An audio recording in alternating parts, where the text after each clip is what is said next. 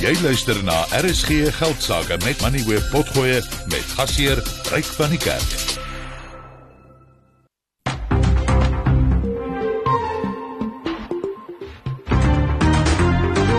Jy luister na RSG Geldsaake met Ryk van die Kerk. Jou betroubare bron vir sake en beleggingsinsigte. Goeienaand en hartlik welkom by vanaand se program. Nou die internasionale monetêre fonds het vandag behoorlik 'n baie lang mes ingelê deur sy groeiverwagting vir die Suid-Afrikaanse ekonomie basies te halveer. Dit is vir 2024. Die IMF verwag groei van net 1% nadat dit nog laat verlede jaar voorspel het dat dit met 1,8% sou groei. En die groot rede vir hierdie lang mes is Transnet wat volgens die IMF ekonomiese aktiwiteitsvlakke wesentlik gaan verlaag. Ek gaan vanaand met Dr. Christie Viljoen van PwC daaroor gesels. Dan die eiendomsgroep Growthpoint is die jongste maatskappy om aan te kondig dat dit binnekort 'n groot hoeveelheid elektrisiteit van 'n private verskaffer gaan aankoop om sy afhanklikheid van Eskom te verminder en ook om sy koolstofvoetspoor baie baie te sny. Nou die ooreenkoms is met Etana Energy en dit sal sowat 'n derde van Growthpoint se jaarlikse elektrisiteitsverbruik voorsien. Ek gaan met Estienne de Klerk van Growthpoint daaroor gesels. En dan is Dinsdag en ons kyk na landbou sake. Nou die regering het pas 'n kennisgewing in die staatskoerant gepubliseer wat invoertariewe op gevriesde hoenders wesentlik sal verlaag. Nou die invoerders van hierdie hoenderprodukte het reeds gesê hulle is verheug daaroor, maar plaaslike produsente is behoorlik die hoenders in en sê die bedryf het verlede jaar regtig die wind van voorgehad en is steeds onder geweldige druk en ek gaan met Isak Breitenberg van die Suid-Afrikaanse Pluimveer Vereniging gesels. Maar kom ons kyk eers wat het op die markte gebeur en die insetsel word geborg deur Finbond Groep. Beperk kontak hulle op 0860442211 Finbond Groep. Beperk. Henko, wat het vandag gebeur? Goeienaand, Amerikaanse markte en die rand is onder druk Maar anders as dit, is dit grasgroen op my skerm en op die res van die finansiële markte. Die Dow Jones en die S&P 500 verhandel tans 0,1% swakker en die Nasdaq is nou 0,5% laer. Die FTSE 100 en die CAC 40 het elkeen 0,5% stewiger gesluit en die Duitse DAX 0,1% hoër. Die JSE het vandag 0,3% hoër gesluit op 74611 punte. Die Hulbron indeks was 1,1% stewiger die finansiële indeks 'n half persent hoër, maar die nywerheidsindeks 0,2% swakker. Richmond en AB InBev het vandag elkeen 1,5% hoër gesluit. Ons sien tog dat Prosus het vandag 0,8% laer gesluit.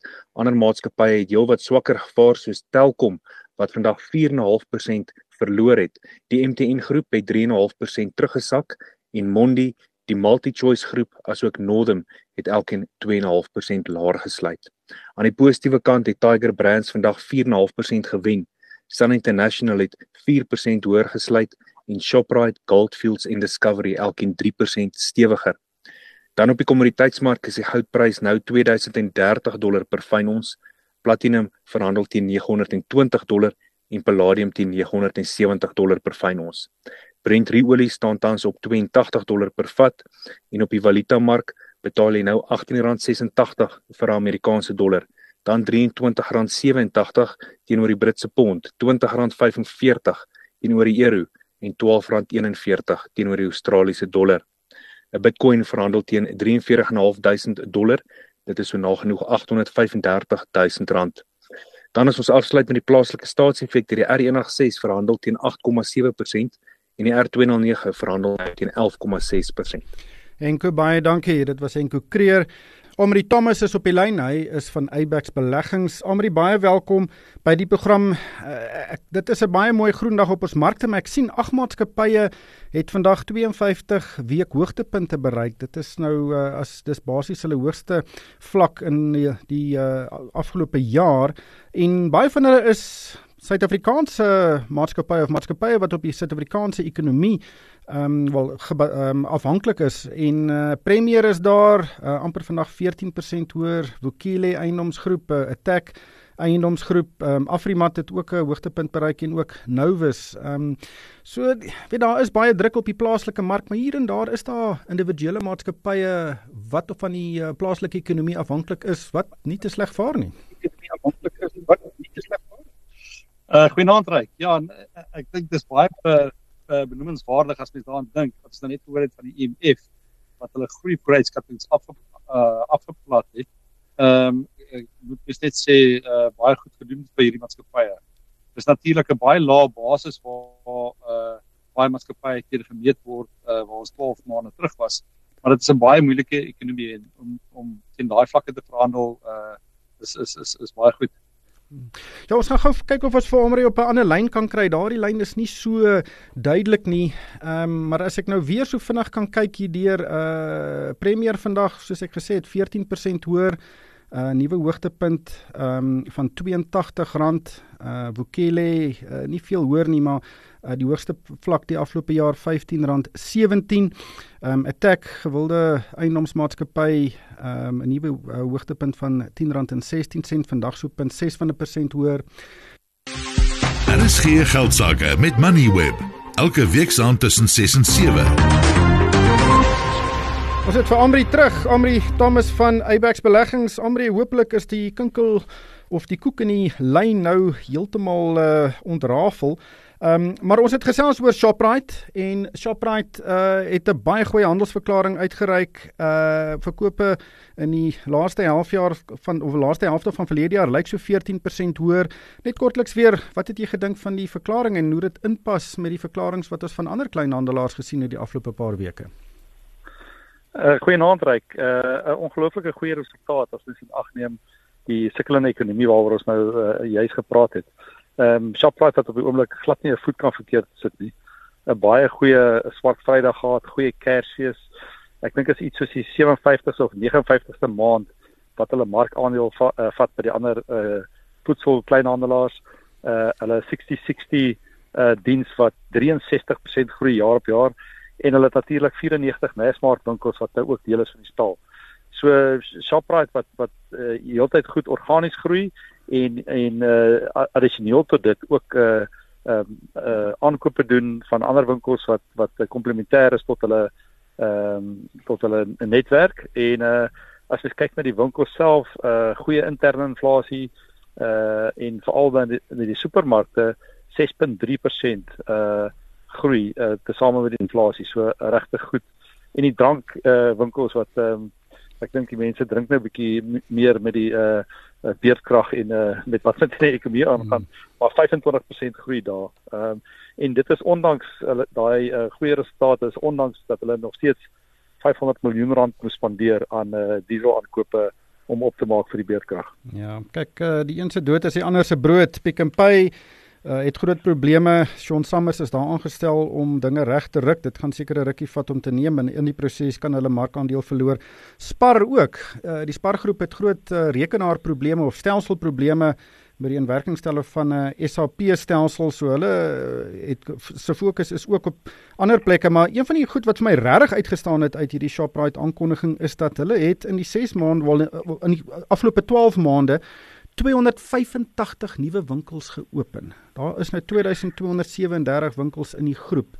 En uh dit sluit ook nou van die winkels in wat hulle van Massmart gekoop het, maar dis baie duidelik dat hulle op 'n aggressiewe uitbreidingsprogram uh, mee besig is. En en ryk gesien in, in ag neem hoe lyk die tipiese Shoprite uh, winkel. En uh dis amper een winkel 'n uh, dag oor die oor die jaar. So dit is dit is regtig uh, ongelooflik om as jy so daaraan dink. Ehm um, ja, en ek dink hulle hulle hulle sit nou juist die voet op die petrol uh met die kompetisie wat onder druk is.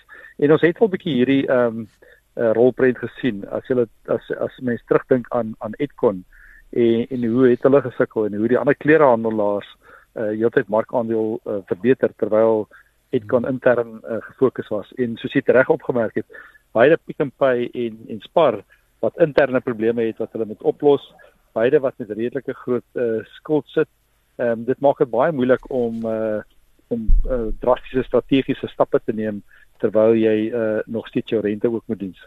Ja. Ja, en ek sien uh, Checker 6060 het met oor die 60% gegroei. Uh as mens by deesdae by 'n Shoprite winkel kom, lyk dit of daar 'n motorfiets bende is. Um en en dis ook besig om daar markandeel te vat. Maar as uh as mens nou kyk na aan die beleggings um uh hoek van Shoprite is die aandeleprys relatief duur. Die prys-verdienste verhouding amper 23 keer en uh dit is uh baie baie duurder as meeste van die ander um uh, kleinhandelgroepe. Uh hoe hoe kyk jy uit 'n beleggingsoogpunt na Shoprite? Ryk, ek dink jy's reg as uh, relatief tot uh, jou ander keuses lyk dit redelik duur. Ehm uh, maar wat ek uh, Shoprite moet krediet gee vir is hulle het uh, konsekwent oor die laaste paar jare uh, sterk besteer. So as mens kyk na die verdienste groei, uh, het hulle verdien om 'n uh, om 'n uh, uh, herwaardering te kry van van die aandele. Maar teen huidige vlakke lyk dit redelik vol. Ons uh, is is ook 'n Shoprite aandeelhouer. Ehm um, en en ons ons hou ons aandele, maar ek dink nie teen hierdie vlakke voel ons uh, ons ons uh, gaan nog byvoeg nie. Dan Pepkor het ook 'n uh, handelsverklaring uitgereik. Dis wat was vir die laaste kwartaal van verlede jaar, die omset 7,2% hoër. Uh, wat het jy van daardie aankondiging gedink? Ja, dit is nou nie so sterk soos so Shoprite nie, maar as mens kyk relatief tot die ander klerehandelaars, is dit uh, is dit 'n redelike uh, aankondiging. Hulle is natuurlik uh, uh, reg aan die uh, waardekant uh, van die mark en en uh, die gemiddelde Suid-Afrikaner maar onder druk. So gegee wat die makro-omgewing dink ek is nog steeds 'n baie goeie resultaat reik. Ehm uh, Pieter Erasmus wat uh, nou ons stuur is daar ehm um, wat Pep uh, baie goed ken en ek dink 'n uh, goeie strategiese uh, besluit te neem op die oomblik. So ons is redelik opgewonde oor oor die vooruitsigte vir Pep en en as jy nou kyk uh, die waardasie van Pep uh, byvoorbeeld relatief tot uh, Shoprite is dit wesentlik uh, goedkoper. Ja, die uh, prysverdienste verhouding net 13 keer. Ehm um, dan het ArcelorMittal uh Suid-Afrika gister ook 'n verklaring uitgereik. Uh natuurlik het hulle baie probleme daar. Hulle gaan vir hulle volle boekjare verlies ly, um, 'n taamlike stewige een. Ehm um, maar ek dink die groot fokus is op hulle groot langstaal aanleg in Newcastle. Daar werk 3.500 mense daar. Hulle het verlede jaar gesê hulle gaan daardie aanleg tydelik moet sluit. Ehm um, maar dit lyk nou asof daar uh, hard agter die skerms gewerk word om hierdie uh, fabriek of hierdie aanleg uh, oop te hou. Ehm um, en nie net om die werksgeleenthede te beskerm nie, maar ook om steeds Suid-Afrika se staalproduksiebedryf aan die gang te hou. Ja, ek dis dit is regtig moeilik en as mens lees wat se redes wat hulle gee om 'n uh, ehm um, hoekom hulle kyk daarna om te sluit, is dit is dit 'n mikrokosm wat in Suid-Afrika aangaan. Want hulle praat oor uh, Transnet, hulle nie logisties uh die staal kan uh wel hulle invoere kan inkry of die staal kan uitvoer nie. Hulle praat oor Eskom, praat oor 'n stadige ekonomie, uh Chinese invoere, skrootmetaal wat, wat onregverdige uh, voordeel kry en infrastruktuurspandering wat nie wat nie gebeur nie. Nou as mens dit maar dit alles luister, is dit eintlik alles goed wat onder beheer is van van die regering. So ondanks uh, uh of in teenstelling met met Shoprite wat baie uh, hulle eie planne ook kan maak, ehm um, is ehm um, ArcelorMittal ongelukkig baie afhanklik van uh ekonomiese beleid in in Suid-Afrika. En uh ek dink die politici het toe hulle nou sê hulle gaan dit wakker uh, uh, uh, sluit ehm um, begin wakker skrik en nou is al groot poging om hulle te probeer help. Maar dit is nie sommer iets wat oornag verander nie en ons hoop werklik hulle sal tot 'n oplossing kan kom maar op die oomblik uh, gegee hulle skuldvlakke en ehm um, die kostes en tyd wat dit gaan vat om dit uh, om te draai dink ons daar's 'n goeie kans dat hulle nog steeds uh, dalk lank sal uh, fabriek gaan sluit. Ja, dit kan baie jammer wees. Uh, Skynbaar is uh, ArcelorMittal se aanleg in Newcastle die enigste ene wat uh, uh spoorstawe vervaardig in Afrika. En natuurlik gaan 'n belegging ingaan in in uh, Transnet uh, hooplik in die nabye toekoms en dit sal jammer wees as ons nou daai tipe van dinge moet invoer terwyl ons 'n maatskappy het wat dit hier kan vervaardig. Maar uh, Amri, ons sal dit daarmee los. Baie dankie vir jou tyd. Dit was Amri Thomas, hy's van Abex Beleggings. Ehm um, en Amri, is jy terug? Hallo Ryk, jammer daaroor. Ja, dit klink sommer baie baie beter. Ehm um, daar's 'n hele klomp maatskappy aankondigings gewees uh, die afgelope week en die een waarvoor ons gewag het was van Shoprite. Nou die kleinhandelgroep En uh meeste van hierdie aankondigings wat ons gesien het was ehm um, handelsverklaringe. So hulle gee net so 'n uh, opdatering van wat in die besigheid aangaan voordat hulle nou 'n um, ehm, bietjie later hulle amptelike resultate bekend maak. Maar Shoprite het vandag ehm um, uh aangekondig sy verkope in die in sy in die halfjaar of basies die laaste 6 maande van verlede jaar 14% hoër en dit is uh, nogal wesentlik hoër as uh, van die ander kleinhandelaars. Wat het jy van die aankondiging gedink? Uh uh ryk uh, goeienaand. Ja, jammer uh, oor vroeër, maar ek ek dink dit is ongelooflik goed en Shoprite kan op die oomblik nie uh, 'n voet verkeerd sit nie. As mens kyk na die die verskillende afdelings wat hulle doen, uh hulle hulle winkel op winkel groei baie sterk uh met 'n uh, sterk interne inflasie. Hulle 'n baie goeie Hierdie lyn wil nie vanaand met ons saamwerk nie uh en ek dink ons gaan so 'n paar minute terugkom. Ek gaan uh eers uh, met Dr. Christie Viljoen gesels en dan gaan ons kyk of ons terug kan kom by Amri om te gesels oor Shoprite se handelsverklaring en ook dit vergelyk met die aankondigings wat ons van ander kleinhandelgroepe gesien het. Die insetsel is geborg deur Finband Groep Beperk. Kontak hulle op 0860442211. Finband Groep Beperk.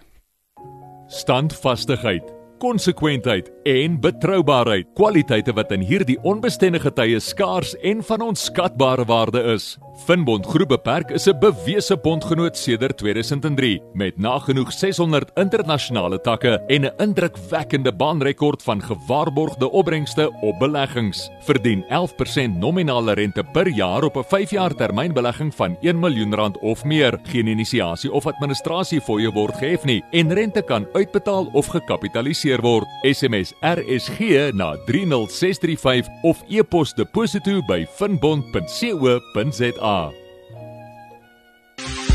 Vir die belangrikste sake nuus, skakel in op RSG geldsaake. Die internasionale monetêre fonds het vandag 'n baie lang mes ingelê deur sy groeiverwagting vir die Suid-Afrikaanse ekonomie basies te halveer. Die IMF het uh, aanvanklik groei van 1,8% verwag. Dit was uh, laat verlede jaar maar het dit nou gesny tot 'n verwagting van net 1%. En die groot rede vir hierdie lang mes is Transnet wat volgens die IMF ekonomiese aktiwiteitsvlakke vanjaar wesentlik gaan verlaag. Die IMF se 1% verwagting strook ook breed weg met die 1,2% groei wat die Reserwebank verwag, maar dit is heelwat laer as die verwagte groei van net so oor die 3% vir die wêreldekonomie en eind net 6 van die 30 lande wat die IMF uh, gepyl het of waaroor hulle 'n mening uitspreek um, het stadiger as Suid-Afrika gegroei. Dr. Christie Viljoen is 'n ekonom by PwC. Hy is op die lyn. Christie, baie welkom by die program. Die IMF het net een paragraaf oor Suid-Afrika in sy verslag ingesluit waarin dit uh, ons uh, logistieke uitdagings noem as die rede vir hulle um, sny van die uh, groei verwagting. Dit was egter verbasend dat hulle glad nie na ons elektrisiteitsprobleme verwys het nie. Uh, kyk ja, hulle hulle noem ons altyd in hierdie tipe gesprekke omdat ons nou groot ekonomie Sub-Sahara Afrika en hulle lig ook dan nou uit wat is ons groeiverwagtinge en dan so sinnetjie of twee oor wat hulle hoe hoekom hulle dink hulle is positief of negatief. Um ek dink jou vraag oor hoekom praat hulle oor elektrisiteit nie, ek dink dit is nou redelik 'n gegewe. Dis een van die strukturele aspekte waar as jy net 'n sin of twee reg gaan jy nie veel tyd daaraan spandeer nie. Die ding wat bietjie nuwer is wat uh, nog altyd 'n uitdaging vir ons land is, maar regtig die afgelope 6 tot 9 maande 'n groot uitdaging is, is die kwessie van vervoer as ons dink aan spoorweë en natuurlik die hawens. So hulle het dit baie duidelik gemaak dat uh, daar's nie veel lande wat slegte vooruitskattinge het nie en ons is nou maar ongelukkig een van hulle. Ja, dit is seker moeilik om die werklike impak van Transnet se probleme op die ekonomie te kwantifiseer.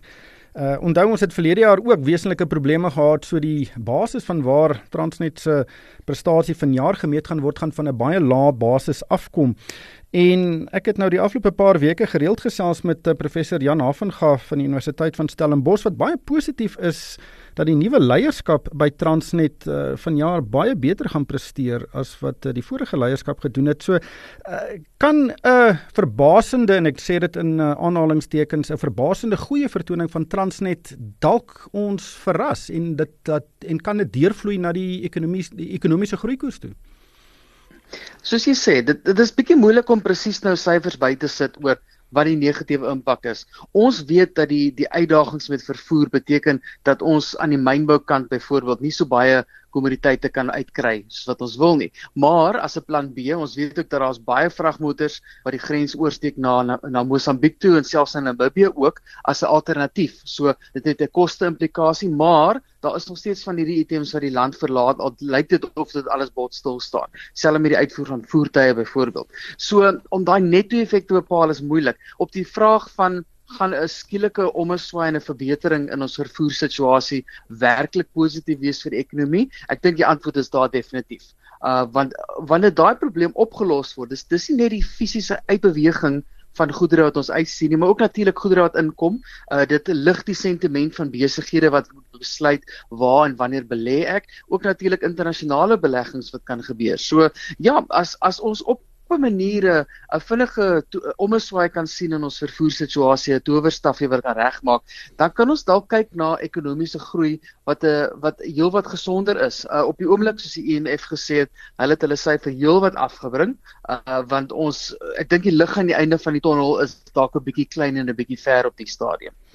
Ja, hopelik uh, is daar 'n lig in die ton tonnel en hopelik staan daai trein nie stil nie of is dit nie 'n trein met 'n lig nie, maar ehm um, hoe hoe akkuraat is hierdie tipe van voorspellings? Weet mense kan nou gesels oor desimale, weet groei van 1% of 1.2%.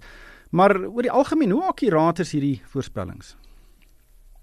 Kyk, enige voorspelling soos hierdie is gebaseer op 'n sekere hoeveelheid aannames. So die IMF e en enige ekonom wat nou 'n ekonomiese model het, moet sekere aannames maak. Wat dink ons gaan die oliepryse wees hierdie jaar?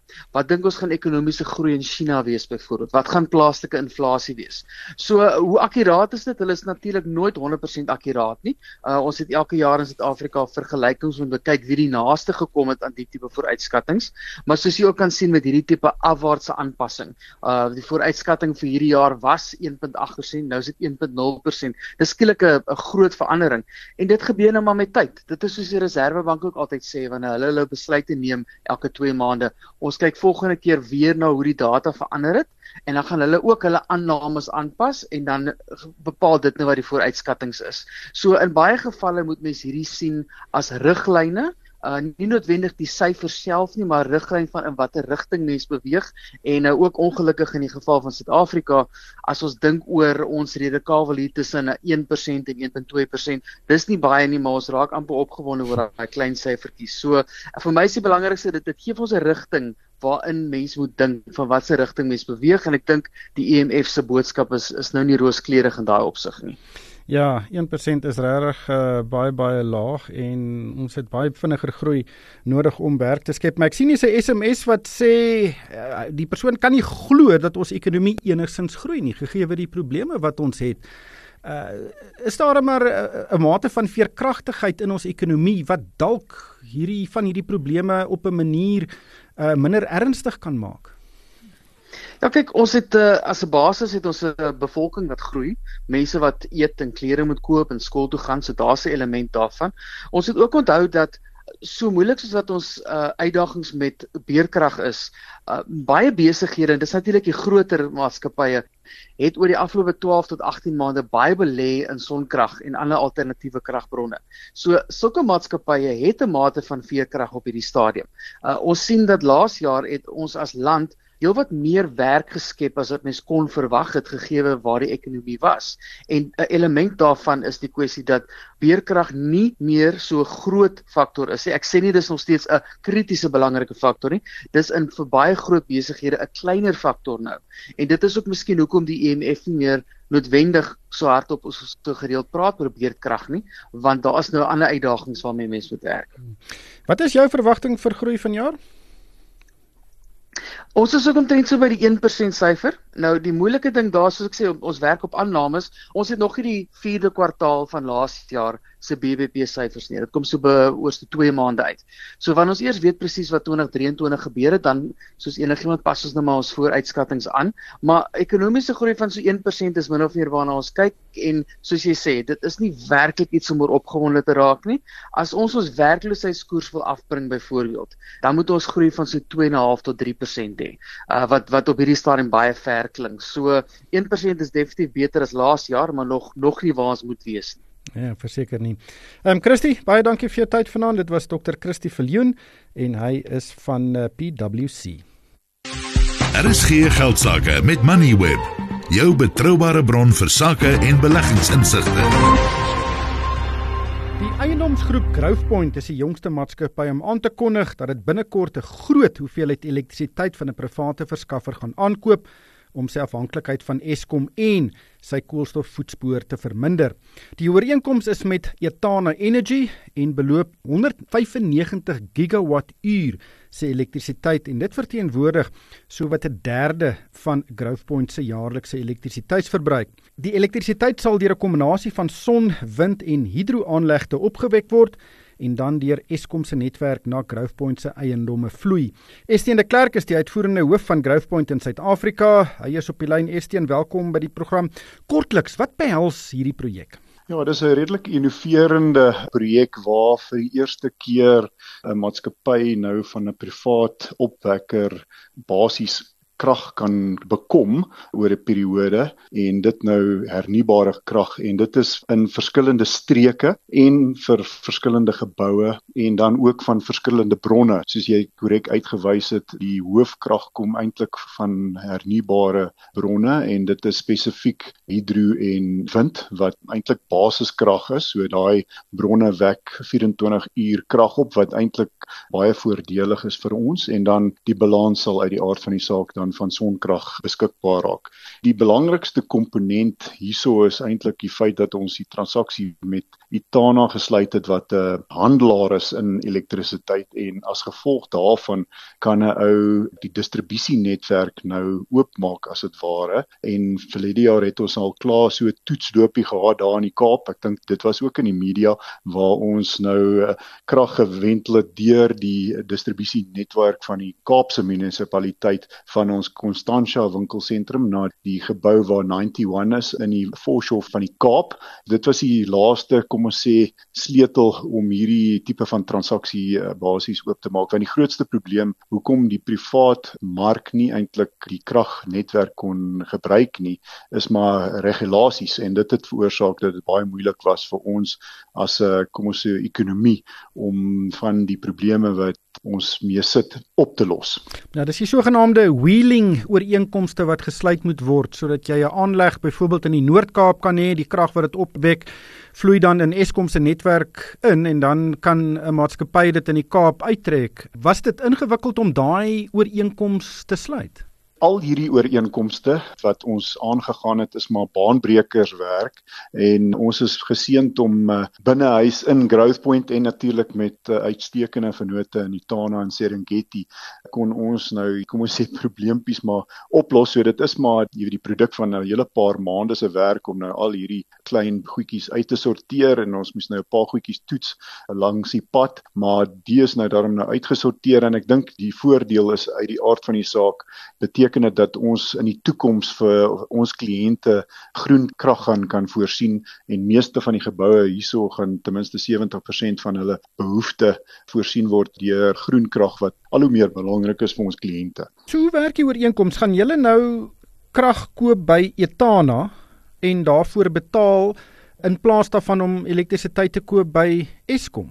Korrek. So in 'n neutedop hoe die ooreenkoms nou maar eintlik werk is eenvoudig. Ons het 'n ooreenkoms aangegaan. Ons koop 'n sekere hoeveelheid krag ten opsigte van ons spesifieke behoeftes op 'n spesifieke tyd van Intana. Hulle is 'n handelaar. Hulle koop dan die krag aan van die hidroelektriese opwekker wat Serengeti besig is om te bou, as ook hulle windkragstasies en moontlik hulle sonkragstasies en dan basies word dit ingemeter of hulle neem lesings van die hoeveelheid krag wat dan in die netwerk ingevoer word van die opwekkers en dan by ons geboue neem ons die lesings en ons meet dan hoeveel krag ons verbruik oor 'n periode van kom ons sê 'n maand en dan elke maand is daar dan 'n rekening wat dan uitgereik word en met die spesifieke munisipaliteit wat betrokke is so of dit nou Johannesburg, Ekurhuleni of die Kaap is of Nelson Mandela of selfs Eskom word daai krag wat ons dan gekoop het by die opwekker deur Itana word dit half afgetrek van ons kom ons sê tipiese rekening wat ons van daai munisipaliteite of van Eskom sou gekry het. En ons betaal uit die aard van die saak vir die gebruik van die distribusienetwerk of die transmissienetwerke. Is die tarief wat julle aan Itana betaal laer as wat julle normaalweg aan Eskom sou betaal? die oorspronklike tarief is maar baie verwant aan die tariewe wat ons reeds betaal. Ek gaan nou nie spesifiek vir sê wat daai is nie, maar wat ek jou wel kan sê is een van die groot voordele vir ons is ons het die koers wat die koste van elektrisiteit teen gaan verhoog, het ons vasgemaak en dit beteken dat oor tyd gaan ons verskans wees teen die dubbel persentasie verhogings wat ons uit Eskom en by die munisipaliteite kry. So dit beteken dat ons oor tyd veral voordeel gaan trek in die sin dat ons elektrisiteitskoste heelwat laer gaan wees wat uit die aard van die saak vir ons 'n voordeel is as 'n maatskappy. Gaan julle minder beurtkrag ervaar weens hierdie ooreenkoms? Op hierdie stadium in terme van die wetgewing sekerlik nie, maar wat ons wel aan werk is op 'n stadium dink 'n gesprek wat ons met die verskeie munisipaliteite miskien sal hê. Kom ons sê ons het 'n hele node waar ons omtrent al die eiendomme besit, kan ons dan sê ons gaan hierdie krag na julle toe wentel deur hulle distribusienetwerk en ons wil sekerheid hê dat julle ons nie gaan afsny as daar beurtkrag is nie. So daar is 'n klein bietjie proses wat nou nog moet ingaan daarso uit die aard van die saak Eskom uh, speel 'n groot rol in kom ons sê die bestuur van beurtkrag maar as ons die krag self opwek en uh, in die netwerk insit dan dink ek daar's ons 'n baie goeie kans met die ondersteuning van die munisipaliteit sal ons wel weet daai ondersteuning kry om daai beurtkrag uit die aard van die saak oor tyd te kan vermy. En ek dink dit is belangrik vir ons kliënte uit die aard van die saak. Net laastens daar's 'n hidroprojek betrokke en daar's nie baie van hulle in Suid-Afrika nie. Vertel ons van die projek. Dis 'n interessante geleentheid in die Lesotho Hooglande waterprojek wat baie jare oud al is. Dit voorsien water aan Suid-Afrika uit Lesotho uit en dit voorsien ook 'n konstante stroom van water. So dis ideaal vir hidroelektriese kragopwekkers en daar is al reeds 'n paar in hierdie projek gebou. So hierdie is half die laaste geleentheid of die laaste kragstasie wat nou daar kan gebou word in hierdie projek en ons het toe saam met Serengeti die projek toe oorweeg en die feit dat ons hierdie transaksie nou beklink het om die krag te koop beteken dat hulle daai projek kan van die grond afkry en hulle ontwikkel nou reeds die uh, kragstasie. Hy gaan so in die middel van volgende jaar gaan hy nou klaar wees. Ons is nog besig om te kyk maar daar is miskien 'n uh, geleentheid dat ons self ook 'n aandeelhouer in die projek kan wees, maar op hierdie stadium koop ons nou maar net al die krag van die spesifieke hidroelektriese kragstasie en die wonderlike ding van hidro is veral waar daar konstante stroom water is dis 'n 24 uur projek en jou kostes om daai krag op te wek is uit die aard van die saak 'n bietjie minder oor tyd en dit beteken dat ons voorsien dat ons elektrisiteitskoste oor tyd van hierdie kontrak heel wat voordeliger gaan wees as om byvoorbeeld van die munisipaliteite en van Eskom krag te koop. Daardie water van die Lesotho Hoogland waterskema vloei daar in die Sakrivier in daar naby Clarence is nogal die moeite werd om te gaan kyk hoe lyk dit daar en dis interessant dat daar nou 'n hele paar van hierdie hidro aanlegte daar gebou word. Dit gaan interessant wees om te sien hoe dit in die toekoms lyk. Maar Estienne baie dankie vir jou tyd. Dit was Estienne de Klerk. Hy is van Growthpoint. Besoek RSG Geldsaake se Facebookblad en kom ons gesels. Hierdie insetsel word aan jou gebring deur Jakte Wet van PSG Wealth Somerset Wes. Aan die begin van enige nuwe jaar is daar baie besprekings oor wat in die vorige jaar gebeur het en ook wat verras het en wat beleggers en raadgewers en batebestuurders onkant betrap het.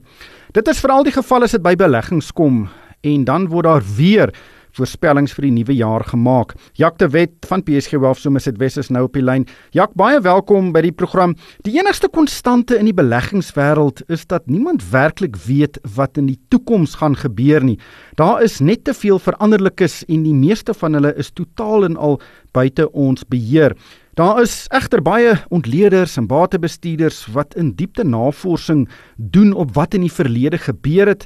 Dink jy dis steeds die beste manier om te probeer voorspel wat ons in die toekoms kan verwag? Dis natuurlik belangrik om 'n mate van vooruitskattinge te maak en navorsing is belangrik veral om te bepaal hoe en waarin jy moet belê, natuurlik gebaseer op elke individu se eie doelwitte en omstandighede. Maar in my opinie gaan vooruitskattinge jou nie baie ver bring nie. Meeste van die professionele mense wat jy nou genoem het, is meestal verkeerd. Jy weet veral rakende verandering en vooruitskattinge ook so in die begin van 'n jaar. Laat dit my dink aan Morgan Housel se boek. Hy het onlangs 'n boek geskryf Same as Ever hy 'n paar stories oor dinge wat nooit verander nie vertel en in 'n wêreld wat konstant aan die verander is. En volgens hom en ek stem volkomme daarmee saam, is daar net heeltemal te veel fokus op dit wat buite ons beheer is. En ons kan baie meer gedoen kry en baie meer sukses behaal as ons eenvoudig net fokus op dit wat ons weet en waaroor ons beheer het. En ek is nou meer as ooit daarvan oortuig dat meeste beleggingsfoute eintlik beleggersfoute is beleggings maak nie foute nie, maar beleggers maak foute. Dit laat my dink aan 'n keer toe ek klein seentjie was en ek het gras gesny by ons huis. En terwyl ek die gras sny, het ek oor 'n besproeiingskop gery met die grasnyer en yes, ek het myself asfal geskrik en in die huis ingehardloop en vir my pa vertel, nee, maar die grasnyer het nou oor 'n besproeiingskop gery. En dis net 'n gemors en hy het baie geduldig vir my geleer dat grasnyers ry nie besproeiingskoppe raak nie, maar 10-jarige seentjies wat grasnyers stoot, ry oor besproeiingskoppe. Dieselfde ding gebeur maar dit kom by beleggings. As ons nie eenvoudig ons navorsing en ook mate van vooruitskattinge gedoen het nie, met ander woorde probeer bepaal het waar hierdie besproeiingskoppe is nie en daarmee saam tree ons nie reg op nie. Met ander woorde ry met die grasnyer oor die besproeiingskoppe, dis ons geneig om sekere resultate te kry. Ons gaan nie die grasperk gesny kry nie. So ons kan nie enige belegging blameer vir ons besluit nie. Op 'n punt moet ons verantwoordelikheid aanvaar, want anders sal ons net aanhou om dieselfde foute te maak. So wat bly dan dieselfde? Waarop moet beleggers fokus? Eerstens as ons kennis opdoen oor dinge wat wel dieselfde bly, gee dit natuurlik vir ons die vermoë om anders te dink oor risiko, geleenthede en ook hoe om die onsekerheid van die toekoms te hanteer. Om die vraag te beantwoord wat bly dan nou dieselfde? Die eerste een wat in my gedagtes inkom is groeibates soos aandele, Beide plaaslik en in die buiteland presteer eenvoudig oor lang tydperke beter as konservatiewe bates soos byvoorbeeld geldmark. Dan natuurlik belasting. Dit sal altyd daar wees en SARS gaan waarskynlik nooit besluit om die lewe vir ons as belastingbetalers makliker te maak nie. Dan marksiklusse.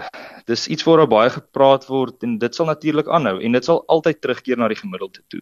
Geen bates sal vir altyd aanhou styg sonder tydperke van dalings nie. Net om 'n voorbeeld daar te noem, as jy vat die 10 jaar periode tussen 2003 en 2013, het die JC Aussie buitelandse markte heeltemal uitpresteer. Maar net die volgende dekade, 2013 tot 2023, het buitelandse markte weer die Aussie uitpresteer. So dis belangrik om in ag te neem in so 'n geval waar bates in hulle marksiklus is wanneer besluite oor portefeulje allokasie dan nou gemaak word.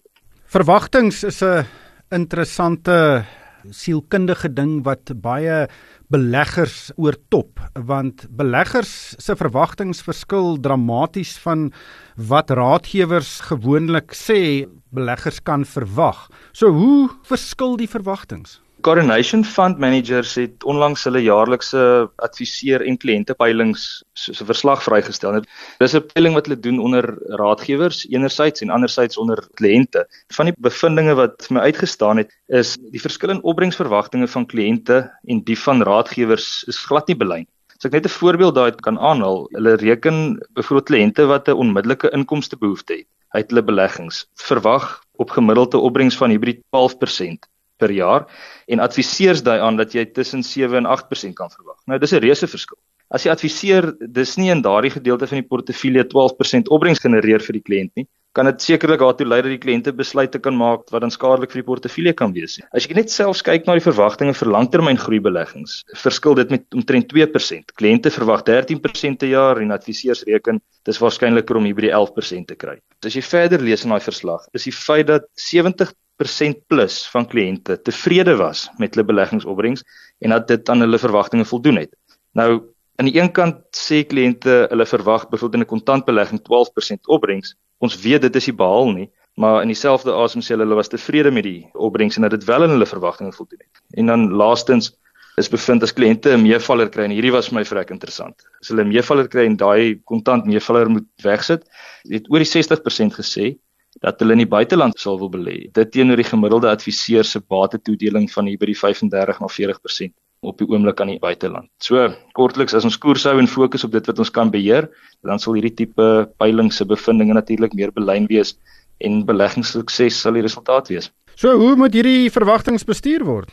Die eerste ding wat in my gedagtes inkom is 'n boek wat ek nou die vakansie gelees het. Die boek se naam is Behavior Gap deur Carl Richards. Hy praat van die behavior gap en dis ook die boek se naam, gedragsgaping wat die verskil aandui tussen beleggingsopbrengste en die opbrengs wat die belegger werklik ontvang. Daai is waar die werklike probleem lê. So as ons die verwagtinge tussen mekaar raadgewer en kliënt kan bestuur en kan belyn en ook kyk ons as beleggers ons eie gedrag in toom hou want ons het 100% beheer daaroor, dan sal ons sukses behaal in die beleggingswêreld. Dankie Jak, ons hulle daar moet los. Dit was Jak de Wet, hy's 'n welvaartbestuurder by PSG Wealth in Somerset Wes. Hulle span het kantore in Somerset Wes, oor kan die Somerset Mall in Pretoria, Mokopane in Limpopo en ook in Mamasbury. Hy of sy vennote, Hein Haffinga en Servaas Haasbroek kan gekontak word by 021 8513353 of stuur 'n e-pos aan jak.dw by psg.co.za. Moenie op geluk staat maak om jou finansiële doelwitte te bereik nie. Jy het 'n weldeurdagte plan en kundige advies nodig om jou doelwitte te verwesenlik. PSG Wolf se spankundiges sal elke aspek van jou lewe oorweeg en vir jou 'n nommerpasplan aanbeveel wat jou sal help om jou langtermyndoelwitte te bereik. Besoek www.psg.co.za vir meer inligting. Geaffilieerdes van die PSG Konsultgroep is gemagtigde finansiële diensverskaffers. Daar is geen geld sake met Moneyweb. Elke week saam tussen 6 en 7. Dis Dinsdag en ons gesels weer oor ontwikkelings in die landboubedryf.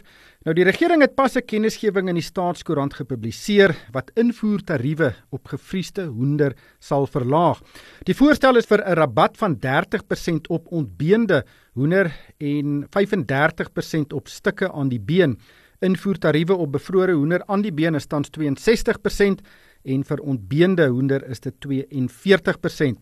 Nou dit alles volg nadat die minister van Handel en Nywerheid, Ebrahim Patel in Oktober verlede jaar 'n ondersoek van stapel gestuur het om 'n tydelike rabat op ingevoerde hoender in te stel om te keer dat voëlgriep nie hoendertekorte in die land meebring nie. Sedert April verlede jaar is sowat 7.5 miljoen hoenders weens die siekte van kant gemaak. Die invoerders van hoenders het reeds gesê hulle is verheug oor die rabatte en dat dit goeie nuus vir verbruikers is. Die plaaslike bedryf braak egter gal en sê die bedryf is reeds onder geweldige druk. Isak Breitenberg is op die lyn. Hy is die uitvoerende hoof van die Suid-Afrikaanse Pluimvee Vereniging.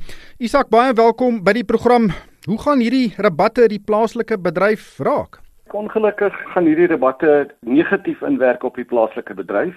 As ons kyk na die totale hoeveelheid hoender geproduseer in die periode van voëlgriep verlede jaar, dan was die totale produksie absoluut normaal. En die rede daarvoor is dat ons het 'n klomp broeieiers verloor met al die hoenders wat ons van kant moes maak weens voëlgriep en ons het dit vervang deur broeieiers in te voer. Ons het in die omgewing van 150 miljoen broeieiers ingevoer en ons het daai broeiers gebruik om te plaas en uit te broei en dan braaikuikens te produseer.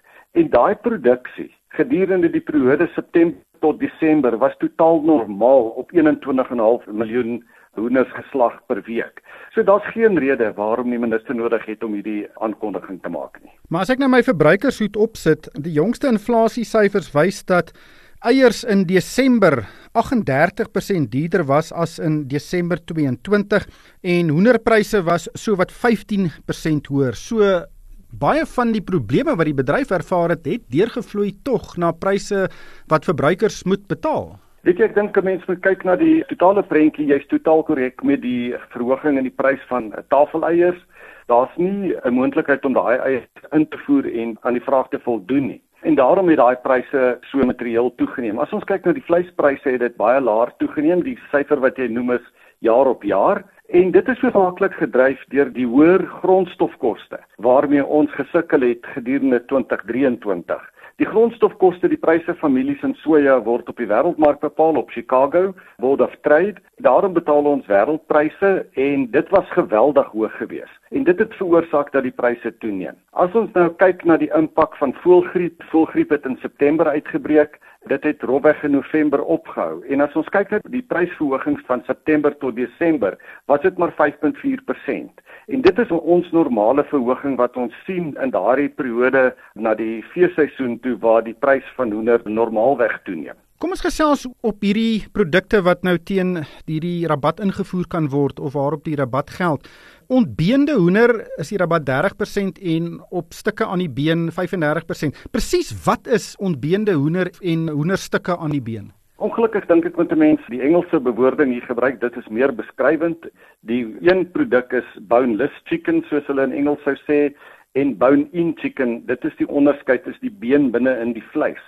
99% van alle ontbeende produk wat ons invoer, sal borsvleis wees. En dit is maar 'n baie klein hoeveelheid van invoere op die oomblik. 'n Groter deel van die invoere is die produkte wat been in het. Dit sal die agterkwarte wees, dit sal die boutjies wees, dit sal die duie wees. En op daardie is daar 'n 35% rabat toegestaan op die ingevoerde produk. Nou dit is 'n produk wat baie gebruik word in Suid-Afrika. Die laer inkomste groepe sal daai produk koop. Is dit tipies daardie sakke met hoenderstukke in wat jy gevries kry by supermarkte? Korrek. Dit is die ek wil amper sê die laagste prysproduk, hoenderproduk. Ek praat nou nie van goed soos rooi afval, die lewers en die niertjies en harte en goed nie. Sal dit die goedkoopste vleis wees en ons produseer so 45% van die produk en dit is maar 'n Engelse naam die IQF mark en dit is wat die mense koop, ja. Teen hoeveel goedkoper kan daai produkte ingevoer word teenoor wat dit die plaaslike bedryf kos om dit te produseer? Die manier om na dit te kyk is Wageningen Universiteit het 'n studie gedoen 'n jaar gelede om te kyk wat is die verskil in produksiekoste tussen Suid-Afrika en lande soos Brasil, Amerika en vier Europese lande. En hulle bevinding was net Brasil kon hoender goedkoper produseer as Suid-Afrika. Nie eers Amerika kan hoender goedkoper produseer nie. En natuurlik as ons daai produkte invoer, daar is 'n koste, verskepingskoste betrokke op dit. Daarom het die industrie of kon die industrie vir baie jare goedkoop hoender aan almal voorsien. As 'n mens kyk spesifiek wat hierdie rabat sal doen, dan sal die rabatte vermindering in die invoerprys teweegbring. Dit sal beide wees op die teenstortingsmaatreëls, maar ook op die gewone tariewe wat ons het, die MFN tarief wat jy genoem het. 'n Mens moet onthou dat as ons terugkyk, dan het ons nog nooit gesien dat hierdie lae pryse deurgegee word aan die verbruiker nie. Tot vandag toe kan ek nog nie vir jou sê dat ons een keer opgetel het op 'n kleinhandelaar se rakke dat ingevoerde hoender materieel goedkoper is as lokaal geproduseerde hoender nie. Die produk verkoop op markprys. 'n Groot deel van die probleem is ook, mense kan nou 'n klomp goedkoop hoender invoer, maar dan gaan die produsente baie baie seer kry in Suid-Afrika en as hulle eers regtig seer gekry het, is dit moeilik om weer produksie te verhoog vir alles sekere maatskappye bankrot speel. Ons het verlede jaar gesien dat Astral, wat die grootste hoenderprodusent is in die land, sy eerste verlies ooit aangekondig het.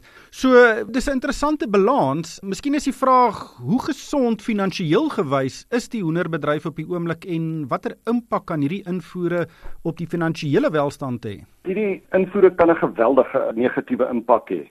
En ons moet onthou dat hierdie industrie onder enorme druk was verlede jaar weens hoë grondstofpryse, weens beerdkrag en dan natuurlik die uitbraak van voëlgriep. En ons word nie vergoed vir hoenders wat van kant gemaak word nie. So die maatskappye dra al daai spesifieke kostes. Tot op hede kon ons in steede van om die waardeketting te laat leeg staan, met ander woorde ons het nie bebroeide eiers ingevoer nie, die broeierye het nie vol geproduseer nie, die plase het nie geproduseer nie en daarom het die abattoirs op halfkapasiteit geloop. Ons het dit voorkom. En wat nou gebeur is, nou moet ons ook kompeteer met hoender wat teen verlaagde pryse die land inkom. En al wat kan gebeur in 'n situasie waar daar genoeg hoender in die mark is en eintlik 'n baie hoë volume hoender in die mark is, hoër as normaal, gaan dit ongelukkig gebeur dat ons begin om plaaslike produksie te vervang met ingevoerde hoender. Doeteenvoudig omdat die plaaslike produsent nie kan kompeteer nie. Daar's te veel hoender in die mark en wat ons dan normaalweg doen is ons sny terug. Ons laat plase leeg staan, ons laat abattoirs minder hoender produseer en dit lei tot werksverliese. Isak, baie dankie vir jou tyd. Dit was Isak Breitenberg, die uitvoerende hoof van die Suid-Afrikaanse Pluimvee Vereniging. Daar is geen geld sake met Moneyweb. Elke week saam tussen 6 en 7. En daarmee het die tyd ons ingehaal. Luisteraars is welkom om na Potgoeie van vanaand se program te luister. Dit sal so oor 'n rukkie beskikbaar wees by moneyweb.co.za en ook die Moneyweb slimfoon toepassing. En as jy nog nie die Moneyweb slimfoon toepassing afgelaai het nie, Uh doen dit sommer nou, dis die maklikste manier om weer na onderhoude te luister en dis heeltemal gratis. En daarmee moet ons groet van Palesa Matlala, Pieter Botha, Henko Kreer en vir my ryk van die kerk. Dankie vir die saamluister.